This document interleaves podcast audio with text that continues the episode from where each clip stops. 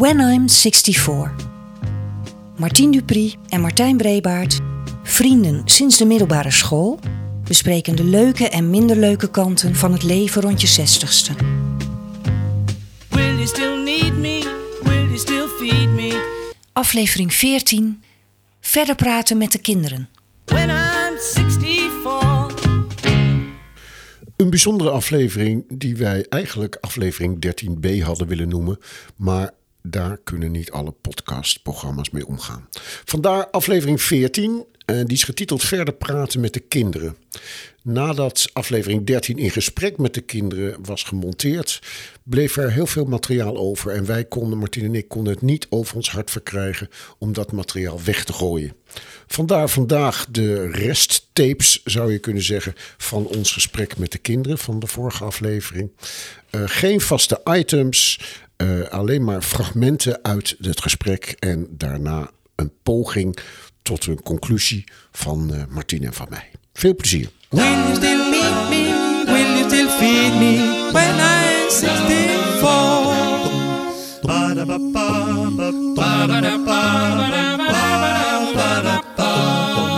Misschien vind ik het wel helemaal niet prettig om aan David of aan Milan te moeten vragen om uh, in bad gestopt te worden of wat dan ook. Um, hoe, hoe zouden jullie het vinden, David en Milan, op het moment dat je van mij zou horen van nou, dat is niet voor jullie? Ja, chill. nee, ik, ik heb dat een beetje. Dat is dan natuurlijk volledig aan jou. En ik kan me daar persoonlijk eigenlijk ook heel goed iets bij voorstellen. Dat je dat zelf een beetje dehumaniserend zou vinden. Dus als je dat zelf ook niet zou willen uh, of niet zou zien zitten. Dan zou ik wel hopen dat je een ander alternatief hebt. Uh, of in ieder geval dat we daar dan samen over kunnen nadenken. En dat je niet zomaar aan het lot wordt overgelaten of zo. Dus nee, dat, nee, uh, nee. Ja. Mag ik daarop inhaken? Ja, zeker graag. Nou, ik denk dat er een onderscheid te maken valt tussen of je dat niet wil omdat het te maken heeft met je eigen waardigheid. Of dat je dat niet wil omdat je ons niet tot last wil zijn. En als het het eerste is, dan zou ik dat helemaal respecteren. Maar als het dat tweede is, en ik weet dat je daar een handje van hebt, uh, dan zou ik dat denk ik, dan zou ik dat dus niet zo snel zomaar pikken. Dus als nee, jij... is goed punt. Is goed punt. Ja. Maar ik, ik, in dit geval ging het echt om het eerste. Oké, okay, nou ja, dan. eerste. Dat ik dan denk van ja, ik, ik heb. Ik, dat, dat zit bij mij meer dat ik een bepaald soort. Ja, dat hebben wij. Zo hebben we nooit tegenover elkaar gestaan. En ik weet niet of ik dat wil veranderen. Begrijp je wat ik bedoel? Maar is dat niet meteen de crux van, van eigenlijk dit hele gesprek, Martijn? Dat het zo belangrijk is om daar niet één gesprek nu aan te wijden, maar dat dat uh, een gesprek moet blijven? Ja, en, en daar komt bij wat ik er heel ingewikkeld aan vind is dat je nu praat vanuit een situatie die over 10 jaar, 20 jaar misschien wel heel anders kan zijn. Ik bedoel, ik, er, er kwam een reactie op de podcast van verleden week. Naar aanleiding van dat Martien gezegd dat van wij zijn nogal preuts. Dus ik wil eigenlijk niet door mijn kinderen onder de douche worden gezet. Toen zei een vrouw, ja, zeg maar tegen die preutse meneer dat dat verandert. Het leven gaat zijn gang. En uh, op een gegeven moment merkte ik dat ik ook zo dacht. Maar toen het zover kwam, was dat helemaal geen enkel probleem meer. En er was absoluut niet iets van dehumanisering of respect wat af. Dus het is lastig om daar op dit moment over te praten, omdat het over tien jaar misschien wel heel anders is. Ja. Tegelijkertijd denk ik niet dat de preutsheid van mijn vader nog verandert. nee, dat denk ik eigenlijk Nou ja, wat, wat, ik me, wat ik me afvroeg bij, bij, bij iedereen, dus bij uh, Milan, David, mijn broer en mijn zus, Marijn en Joram, is we hebben het nu over uh, Martien en Martijn. Wat gaan we doen? Kunnen wij die onder de douche zetten? Nou, ik denk dat we er allemaal over uit zijn dat we dat inderdaad wel kunnen uh, en willen doen. Maar ik zit bijvoorbeeld heel erg met, het, uh, met de vraag in mijn hoofd: zou ik dat ook bij mijn eigen moeder kunnen? Ik denk het niet. Ik denk dat ik Ma Martien uh, onder de douche zou zetten. En dit klinkt misschien heel hypocriet, maar ik zou het toch la veel lastiger vinden om mijn moeder onder de, onder de douche te zetten. Mannetje, mannetje, vrouwtje, vrouwtje. Exact, exact. Ja, daar ben ik het mee eens.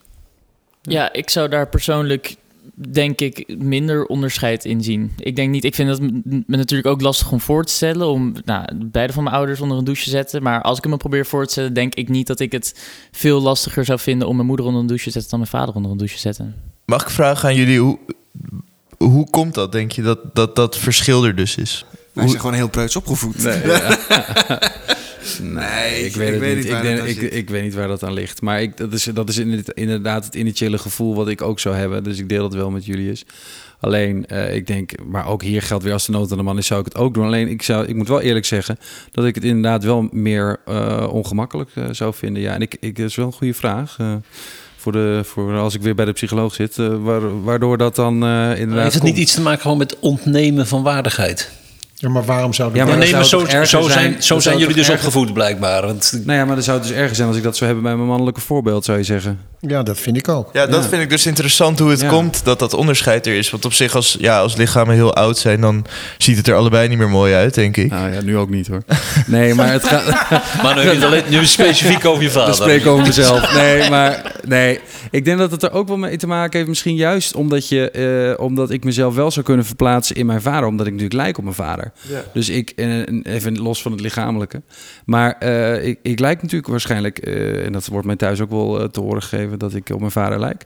Ehm, dus dan is het ook waarschijnlijk minder moeilijk om dan je in te beelden dat jij misschien later ook op zo'n punt komt dat je graag zou willen, uh, als het moet, dat jouw zoon of dochter je ook uh, helpt of zo.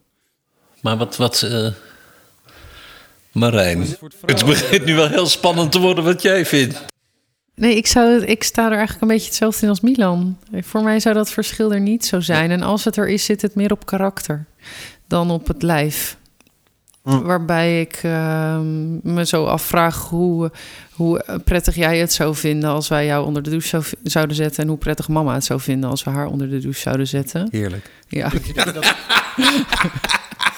Denk je dat je dat weet? Het antwoord op die vraag? Uh, Want dat gesprek is er eigenlijk ook nooit geweest. Dat doe je dan nu omdat je dat vermoedt. Ja. Nou, ik denk dat, uh, dat mijn moeder zich dat eerder laat aanleunen dan mijn vader. Als dit nu zou moeten gebeuren, dan zou ik tegen jullie zeggen: jongens, laat mij alsjeblieft gaan. Ja, maar dat zeg jij al snel. Maar dat is ook jouw melodramatische ik... kant. Ja, dat, is... nee, zeg... laat dat, zeg je alles als je aan de diarree bent. Dus dat ja, is... ik bedoel... You haven't lost your sense of drama, zou ik willen zeggen. Will you still need me? Will you still feel me? When I'm 64, oh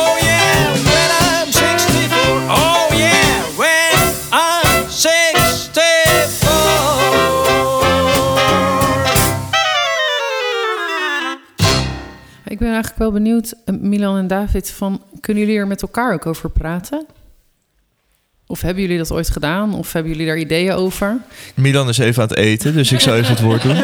Liggen hier ook zoveel lekkere stroopwafels. Ja, dat is ook helemaal niet handig. Dat is typisch zo'n jongste broertje weer, inderdaad. Ja, ja. Ik denk wel dat wij daarover uh, over zouden kunnen praten. Denk ja. ook. Ik ja. denk dat wij daar allebei wel goed in zijn. Ja. Alleen er is nog niet over gepraat. Nee, maar dat is inderdaad, dat komt vooral voort uit wat jij al zei, dat we er ook niet echt over hebben nagedacht. Dus dat het inderdaad wel goed is om daarover te praten. En ik denk inderdaad ook wat David zegt, dat dat geen probleem zal zijn op het moment dat we het er wel over Uh, nog Martien, nog ik hebben daar ooit met jullie over gepraat. Is dat een eh, gemis? Heb je het idee van ja, dat zou nu eigenlijk toch wel eens moeten? Of Nee, maar jullie zitten ook in zo'n fase van je leven. Heb ik een beetje het idee dat je echt denkt dat je nu uh, dat het, het einde nadert. Uh, maar dat duurt nog wel even. Uh, en ik, ik denk ja. dat jullie het daardoor er heel graag over willen hebben. Omdat je ook met misschien het, het gebeuren zit met je eigen ouders. Waarbij dat wel uh, op het einde is gebeurd.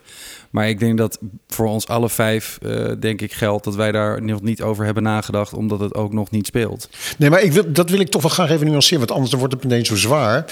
Um, ik, dat begrijp ik heel goed en daarom heb ik ook steeds tegen dat gesprek opgezien. Aan de andere kant denk ik van, ik weet van mijn nicht, waar de volgende podcast over gaat, um, dat uiteindelijk toen het echt nodig was, dat zij het heel fijn heeft gevonden dat dat altijd allemaal op tafel heeft gelegen. Was die situatie zo dat, er dus, dat het bespreekbaar was omdat het dus ook aan de orde was? Nee, nee, was toen nog helemaal niet aan de orde. Oké. Okay. Het gaat gewoon over, en dat, dat is ook waarom ik er met jullie nu over zou willen praten. Uh, het, is, het is nog helemaal niks aan de orde. Maar stel dat je over twintig jaar dat het wel aan de orde komt, dan is het wel denk ik voor iedereen fijn om te weten wat mijn verwachtingen zijn en wat mijn ja, ik denk ook wel dat het wel goed is om het te bespreken. En misschien ook om het nu al te bespreken. Wel ook in, inderdaad heel erg realiserende dat het nog niet aan de orde is. En ook realiserende dat dingen dus ook veranderen. En dat je kijk op dingen ook kunnen veranderen als je eenmaal in dat moment zit. Dus dat je niet te stellig vasthoudt aan alles wat je nu zegt erover.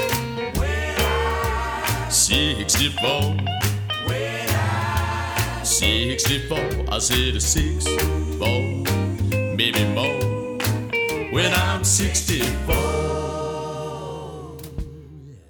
Ik- Ik denk ook dat er twee mensen ontbreken aan deze tafel die daar misschien ook in gekend moeten worden. Jouw partner Martijn en mijn moeder misschien. Die, Ja. die ook maar mensen over de vloer moeten willen hebben die die verzorging doen. Dus het is allemaal, eh, ik bedoel, ja. Nou, het is niet alleen aan de kinderen natuurlijk. Natuurlijk eh, in het verleden gezien, dat, dit klinkt heel eigenaardig, maar eh, het klopt toch wel. Zolang er nog een partner is, is het probleem eh, veel complexer. Ja. Want de partner kan het wel willen, maar kan ze het ook, kan ze het ook en kan ze het dragen. Dus dit, dit- En wil ze het ook? en wil ze het ook, dus dan, dan krijgt het probleem een gelaagdheid die, die eh, redelijk ingewikkeld is. Ja, en eigenlijk vind ik het wel een heel goed punt van, van David eerder vanavond. Dat je, ehm, want daar had ik zelf niet echt over nagedacht. Je kunt wel zeggen, ik doe het, maar kun je het ook? En ik, ik heb nog nooit iemand eh, een bad ingedragen. Dus daar heb je ook helemaal gelijk in. Want je moet natuurlijk ook wel kunnen, Ja. uiteindelijk. Los van of je het wil. Plus dat je natuurlijk ook nog te maken krijgt met hoe zit het dan met de relatie met eh, Julius. Stel je voor dat jij het wel zou willen of niet zou willen en Julius eh, Ja. andersom. En dat zijn allemaal dingen die, die, Ja. een, die een rol gaan spelen. Ja. En, en je hebt ook nog een schoonfamilie met schoonouders waar je misschien ook voor moet zorgen. Dus ja. Nou, ik vind dat, de- dat je die partner noemt, vind ik heel terecht hoor. Ik heb het er ook met Mea over gehad, die kwam daar ook mee. Maar ik dacht van, nou, juist om het even helder te krijgen, vind ik het nu belangrijk om te weten hoe de kinderen daar, eh, daarin staan. Ja, maar het, is natuurlijk, maar het is heel gek, want wij hebben natuurlijk beloofd. Hè, dus als, als, als, eh, hoe zeg je dat? Als gehuwden. Heb je natuurlijk elkaar beloofd voor elkaar te zorgen tot de dood. Dus dat is. Terwijl, omdat we allemaal ouder worden. en de gebreken krijg je toch alleen eh, later en aan het eind. Terwijl dat zorgen tot de dood er waarschijnlijk niet meer in zit. Het is eh, buitengewoon. in- Als je die partner erbij betrekt, wordt het heel, een buitengewoon ingewikkeld probleem.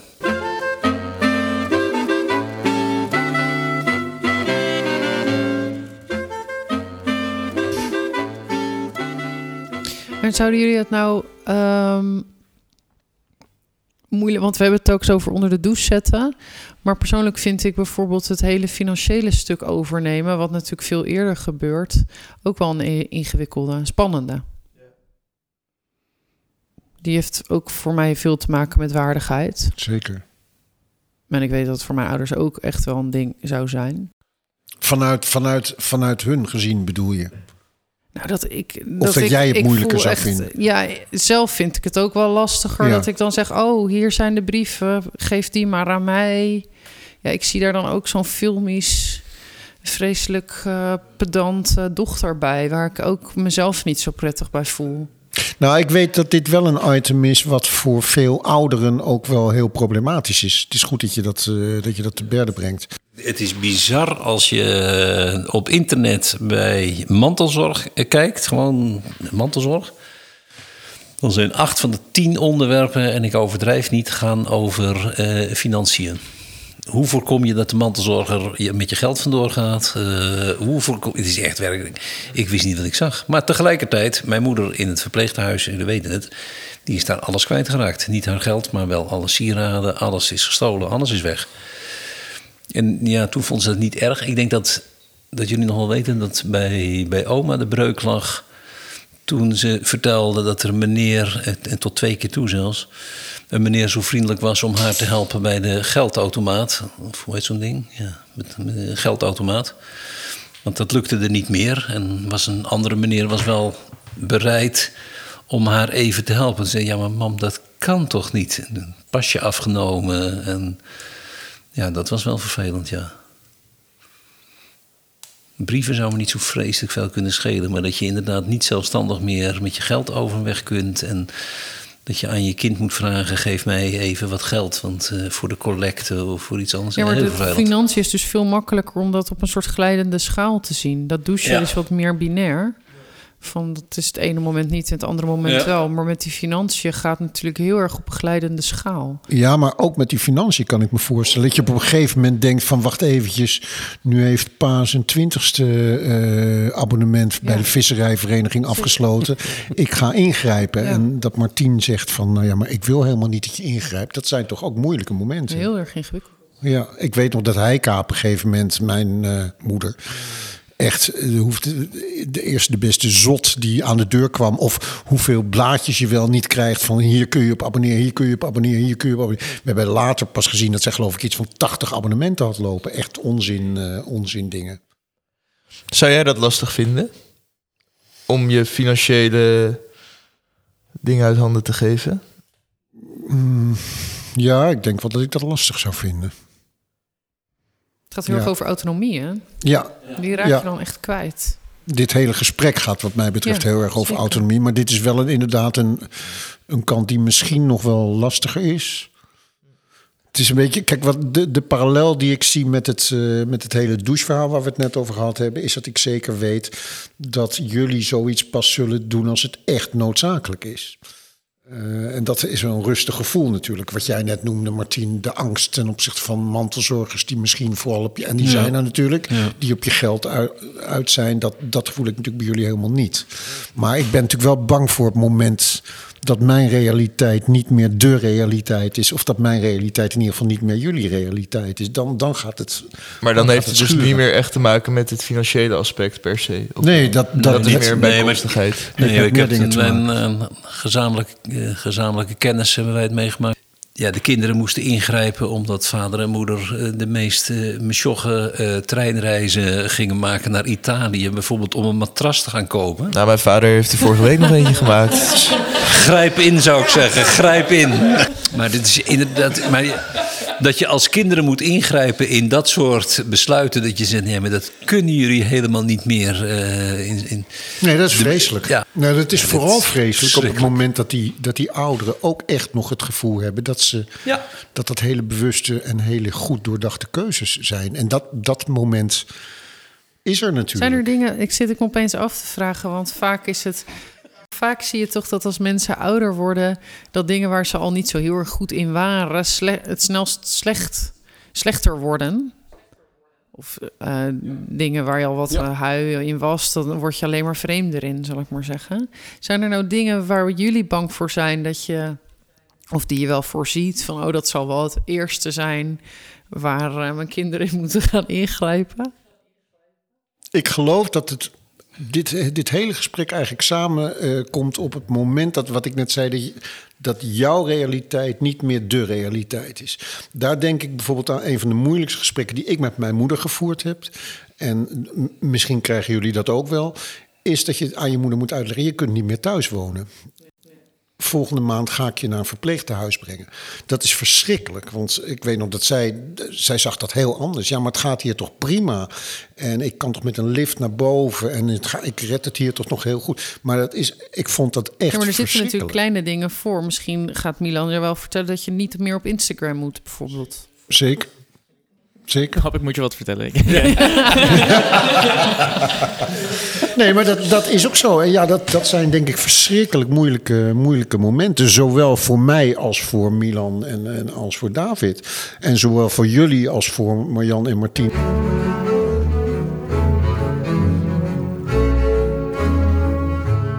Jij vroeg, of jij zei, dat is volgens mij een stelling die ik al jaren aanhang. Als je ouder wordt, worden al je slechte eigenschappen steeds groter. Of die worden raken uitvergroot. En daar hebben die kinderen maar mee te dealen. En jij moet er tegen vechten. En welke eigenschap van jezelf denk je Ja, die het eerst wat een, pro- wat een probleem wordt voor de kinderen? Ik zou die stelling nog wel willen bestrijden hoor, eerlijk gezegd. Ja? Het is voor mij niet, als ik, nou- voor zover je dat over jezelf mag zeggen, maar ik geloof niet dat mijn. eh, Jij wordt milder. ik geloof wel dat ik, dat ik milder word. Ja, dat er een heleboel vervelende eigenschappen van mij juist eh, minder worden naarmate ik, eh, naarmate ik ouder word. Ja, misschien, moet, misschien moeten jullie dat maar zeggen. maar- Ja, ik hou wijselijk mijn mond. Dus, nee. Ehm, maar wat bedoel je dan met milder worden? Dat je gewoon als persoon milder wordt, bedoel je? Of Je herkent het helemaal. Ik wil even een hele duidelijke uitleg. Nou, ik heb bijvoorbeeld gem- eh, wel gemerkt op een, op een tamelijk eh, eh, harde manier dat er meer is dan alleen maar het werk. En dat betekent ook meer aandacht voor jullie. En Nee, maar dit gaat natuurlijk meer over dingen als. eh, geen idee. Panikeren. Negatief zijn. Ja, nee, dat, dat, dat, dat, dat groter wordt. Ik moet heel eerlijk zeggen dat het me bij jou nog niet echt is opgevallen. Behalve dat jij dan misschien de laatste twee jaar niet de twee beste jaren van je leven waren. Nee, maar dat is het meer. Maar dat, dat is denk ik iets anders dan dat je ouder Ja. wordt. Geloof ik ook. Dus zeg maar, om in te haken op dat panikeren, ik denk dat dat juist een beetje iets nieuws was. Ehm, maar nou, ik snap eigenlijk, ik snap wel goed wat je zegt. Want als ik iemand voor me zie die oud is, dan zie ik ook voor me dat die slechte eigenschappen worden uitvergroot. Maar als ik dan, zeg maar, het levende onderzoeksobject naast me eh, ga analyseren, dan vind ik het eigenlijk wel weer meevallen. Maar daarmee zijn we, dat vind ik wel een mooi cirkeltje, want zijn we eigenlijk terug bij de stelling van Marjan. Ja. Worden ouders leuker of worden ouders vervelender? Wees eerlijk. Nou, als ik hier even op in mag haken, is, is dat ik mijn. eh, en dan heb ik het over mijn vader. Ik denk dat het bij mijn ouders sowieso verschillend is. Maar ik denk dat wij alle drie mee eens waren dat mijn vader vroeger een hele harde man was. Maar eh, eigenlijk sinds het trouwen van Marijn, en vooral sinds de kleinkinderen, dus de kinderen van Marijn, dat mijn vader een ontzettende softie is geworden. die, eh, ja, die om alles bij ongeveer nu al kan huilen. En zo, zo, ken, zo ken ik mijn vader niet van vroeger. Will you still need me? Will you still feed me? Dressing to pay me? Old silver and gray me? When you false tooth me?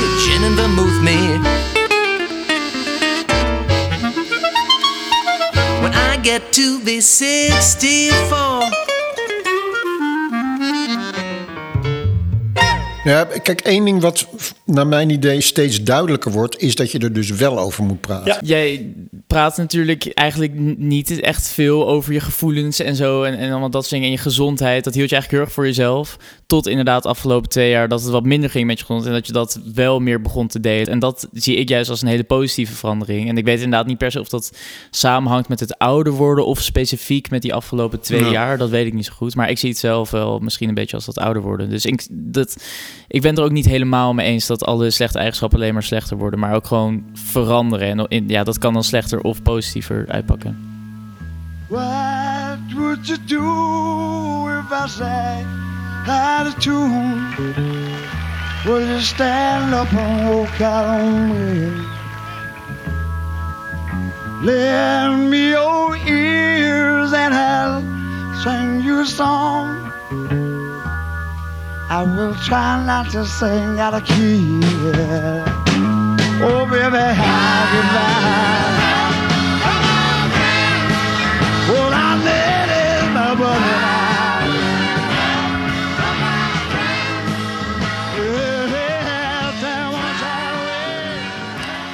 Nou Martien, daar zitten we dan. Het leek me een mooi eh, muziekje om deze gesprekken mee af te sluiten. Little help from my friends. Want die vrienden heb ik wel gevoeld. Wat is jouw eh, uiteindelijke conclusie van het gesprek met de kinderen? Wat is jou het meest bijgebleven? Nou, de, er zijn wel een paar hele lieve opmerkingen gemaakt. Die blijven je dan toch meteen bij. Ik, eh, de opmerking, ik dacht van Milan, die zegt... ik zou het verzorgen niet doen omdat je familie bent... maar ik zou het doen omdat je mijn vader bent en ik van jou hou. Ja. Ja, die, dat zijn wel de opmerkingen die, die ik prachtig vind. En daarnaast valt het me op dat de kinderen daar ook wel heel, heel verstandig en, en ook wel met humor eh, gelukkig over kunnen praten. En de dingen die ze zeiden over die mantelzorg, hè, was dat nou wat jij van tevoren verwacht had? Want wij hebben eigenlijk zijn allebei tot de conclusie gekomen dat we het gesprek moeten voeren, maar het is nog niet gebeurd.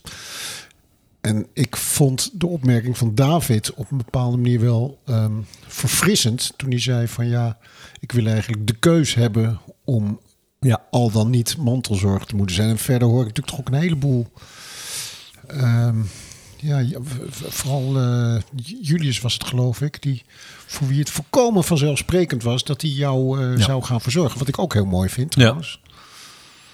Nou, ik was, ik was heel verrast dat de kinderen, eh, dus in dit geval onze kinderen, dus mijn kinderen, verwezen naar, ja natuurlijk gaan we dat doen, want wij hebben gezien hoe jullie opa en oma Ja, verzorgden. En toen dacht ik, maar dat hebben wij nooit gedaan als voorbeeld. Of, eh, ik, ik had ook geen reactie daarop. Ik, Nee, je zou je ook kunnen voorstellen dat je zegt, nou dat hebben we gezien, eh, dat we, we weten Ja. zeker dat wij dat niet willen. dat is een beetje hoe Ik had- dacht bij, ja. eh, bij, bij Heika. Van ik zou eigenlijk niet willen dat die jongens meemaken wat ik nu meemaak. ja. Maar zo ja, werkt het niet. Nee, zo werkt het niet. Ze zien, ze zien dat blijkbaar. Je, dat, dat voorleven is dus blijkbaar belangrijker dan je zelf denkt. En voor de rest, ja, het, het is grappig dat eh, als het, waar het gaat over Marian en mij op een gegeven moment, Ja. dat ik daar een absoluut totaal ander idee heb dan de kinderen. Ik heb geen idee wie gelijk heeft, maar het is wel heel leuk om te horen dat ze denken, nou, nee, papa niet, maar mama, dat zal niet zo'n probleem zijn. En ik denk, nou, dat wil ik nog wel eens een keer zien. Maar sowieso, hè, ik ben gewoon zo, ik was zo ontgeroerd door de, de wijsheid van die kids allemaal, maar ook door de humor. Ik heb een ontzettend leuke avond gehad. Ook die, de manier waarop zij jou en mij Neerzetten. Ja, maar ook te pakken kunnen nemen Ja. op, op, op je zwakke of je eigenaardige kanten. Dat is eigenlijk zo ontzettend leuk, ook om terug te horen. Ja, maar het is natuurlijk, dit is natuurlijk prachtig. Ik geloof dat eh, het inderdaad David was die zei, daar waren ze het wel mee eens. eh, als jij de zorg niet wilt, dan zou ik wel even graag willen weten waarom dat is. Is dat omdat eh, eh, je bang bent dat je waardigheid minder wordt? Ja. Dat moet je zelf weten, dan kom ik niet. Ja. Maar als het is omdat je bang bent dat je mij tot last bent, Ja. dan zou ik dat gewoon negeren. Ja, nee, dat vond een ik ook een prachtige hele tekst. mooie. Ja, ja. Nou, wat dat betreft zijn ook wel eh, momenten dat het je echt even aan het denken zet. En je denkt van ja, inderdaad. En dat, dat, dat gesprek, hè, wat, waarvan ik toch nog steeds het idee heb dat dat er moet komen. Ik vind het moeilijke nog wel, dat is voor mij nog steeds een, een, een, onbeantwoordbare vraag eigenlijk. Je staat er nu op een bepaalde manier in. Hè? Eh, maar misschien sta je er over 10, 15, 20 jaar wel heel anders in. Nou, we- we zijn natuurlijk, tenminste ik wel, we, we zijn natuurlijk ook anders met dit hele gesprek, met die mantelzorg en, en hè, deze afleveringen over ouder worden. Dus niet eens meer over 64, maar echt ouder worden. Ja. Die zijn we ook anders ingaan. Ik, ik heb me niet van tevoren gerealiseerd dat bijvoorbeeld als het over die mantelzorg gaat, dat merk je in dat gesprek met die kinderen, dat merk je in wat wij zeggen. Dat zat zelfs al in de aflevering over de woonvormen. Het maakt een enorm verschil of er out of the blue iets gebeurt. Hè, een hartaanval, geen idee, ongeluk, waardoor vader Ja. of moeder verzorging nodig Ja. heeft. Dan staan er vijf kinderen, hup. Eh, Daar praten we niet over, bekomen. En langdurende zorg is echt een heel een ander verhaal. ding, ja. En die dingen die van tevoren denk je dat is allemaal mantelzorg, maar dat is dus niet zo. En palliatieve zorg of eh, de, de, de, de zorg eh, voor een terminale patiënt of vader en moeder is weer anders. Ja, ja.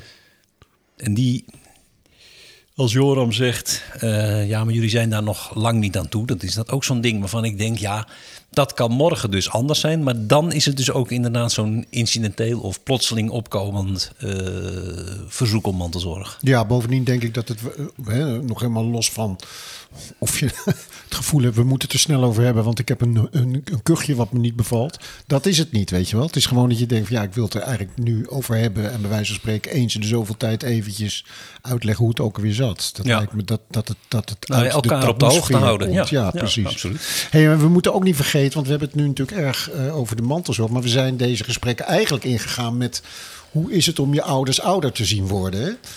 Maar misschien, ik zat me af te vragen, hoe, hoe is het voor ons eigenlijk om je kinderen ouder te zien worden? Want jij, ik kan dat niet, maar jij kan dat natuurlijk nu een beetje ehm, afzetten tegen de leeftijd van je kleinkinderen. Ik merk dat ik, David zei dat, hè, dat, dat ik meer misschien een vader was voor wat oudere kinderen. Dat het me meer natuurlijk afgaat, dat herken ik wel. Ik ben ook niet voor niks in het, in het middelbaar onderwijs terechtgekomen. Maar ik word ontzettend gelukkig van het feit dat we daar met vijf prachtig gelukte jongvolwassenen aan tafel Ja. zitten. Ja. Ja, ik denk dat je op zo'n avond ook nog wel, tenminste dat denk ik dan voor mezelf. Ik denk dat je op zo'n avond ook nog wel eh, relevantie hebt. En dat Als, als, als vader bedoel je? als vader van Ja. oudere kinderen. Jazeker, ja, dat maar denk ik dat, ook. Dat, dat, want die relevantie wordt natuurlijk wel minder. En, en terecht. En dan- daar treur ik ook niet om. Maar dat is wel, dat is wel een ding, inderdaad. Voor je, zeg maar, je dochter van 14 of voor je zoon van 14 kun je veel meer betekenen dan voor je dochter van 35 die problemen heeft. Nou, zij, ik, ik, het begon al met de, uit, met de uitnodigingen. Zij vonden het echt belangrijk om er te zijn. Ik heb niet Ja. het idee dat ze er nou zaten om ons een plezier te doen vanwege onze podcast hobby of iets dergelijks. Maar dat ze Nee, echt- ze waren ook meteen. Ja, nooit ja. een- nooit een Dus ik vond het gespreksonderwerp geweest. fijn om in gesprek te gaan. En, Nou, ik heb Ja. het een hele mooie eh, nou, avond gevonden. ja, één ding Ja. even over hebben misschien. Wij hebben het er al vaak over gehad. En het is al een paar keer in deze afleveringen eh, aan de orde geweest. Jouw houding van ik wil mijn kinderen niet tot last zijn. Ja, Dat brachten zij nu zelf ook weer naar voren. zeker. Ja. Want dat is natuurlijk ook zo'n je moet er een gesprek over hebben item. Ja. Is de, lukt dat? Ja, nou ja, ik heb al vaker gezegd, deze podcast heeft, een, eh, heeft voor mij een hele belangrijke functie. Want dus- dat is bijvoorbeeld echt iets waarvan ik denk van ja, daar, daar, daar, daar moet ik iets aan doen. Want niemand vraagt erom. Eh, ik word er zelf niet gelukkiger van. De jongens worden er niet gelukkiger van. Dus ik denk wel dat zeker na zo'n gesprek wat we gehad hebben, dat, dat, eh, dat daar wel iets, dat daar Ja. wel iets verandert. Ja. Want, want eh, dat herken ik wel bij mezelf ook. Maar een paar afleveringen eh, geleden vertelde je dat jullie, of jij in ieder geval, ineens eh, in het idee was geschoten om een camper te kopen. en Ja, de boel de ja. boel te laten de wereld in te trekken. Ja. Achteraf dacht ik, dat is natuurlijk ook de ideale manier om wat afstand te creëren. Ja, dat heb ik altijd ook wel een beetje gehad hoor. Dat, eh, dat gevoel dat ik eens in zoveel tijd eh, in mijn eentje naar de top van een berg moet. Totdat ik helemaal gek word van, eh van zelfmedelijden. Van er is ook niemand omheen. dus het is hartstikke inconsequent. Maar zeker naar. Ik, het is waar wat je zegt. Het gaat verder dan naar, naar alleen maar de zone toe. Ik, ik, ik herinner me eh, dat ik ooit eh, in een gesprek met een, met een hulpverlener ging het over. ik weet het, misschien was jij trouwens wel het onderwerp, maar dat weet ik eigenlijk niet meer. Maar je, stel je hebt een vriend waarvan je een. je hebt een auto nodig. Ja. En eh, je hebt even geen auto. En dat is nu wel een beetje veranderd. Maar in die tijd, ik zou nog liever ehm, op blote voeten gaan lopen. Dan dat ik aan die vriend zou Ja, vragen, mag ja, ik je auto ja, lenen? En ik legde dat zelf uit als ik wil die vriend niet tot last zijn. Maar het is natuurlijk iets anders. Je bent natuurlijk gewoon bang voor, ehm, voor de afwijzing. Terwijl ik nu geleerd heb van ja, maar dat is een hele rare manier van ernaar kijken. Want je maakt het iemand ook onmogelijk om ja te zeggen. Of om uit te leggen waarom dat eventueel niet zou kunnen. Dat, is, het zit heel raar in elkaar. Maar dat, Ja. dat is wel, ook naar de kinderen toe is dat wel aan het veranderen, ja. ja. Is dat een antwoord?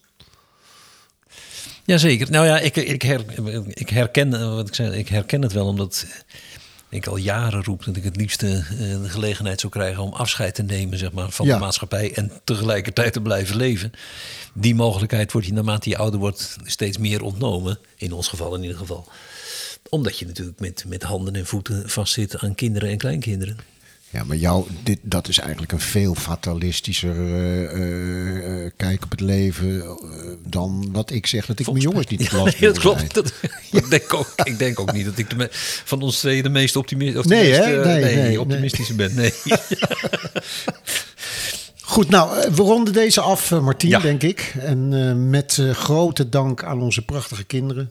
Nou, en dan met, met een geweldig gevoel dat je denkt... God, wat hou ik toch veel van die kinderen. En eh, als het over jouw zoons gaat, wat ontzettend leuk om ze te leren kennen. Ja, ben nou en ook echt dat ze diep elkaar hebben onder de indruk eh, Dat vonden ze ook Ja. allemaal heel leuk, want ze kennen elkaar helemaal niet. Nee, leuk.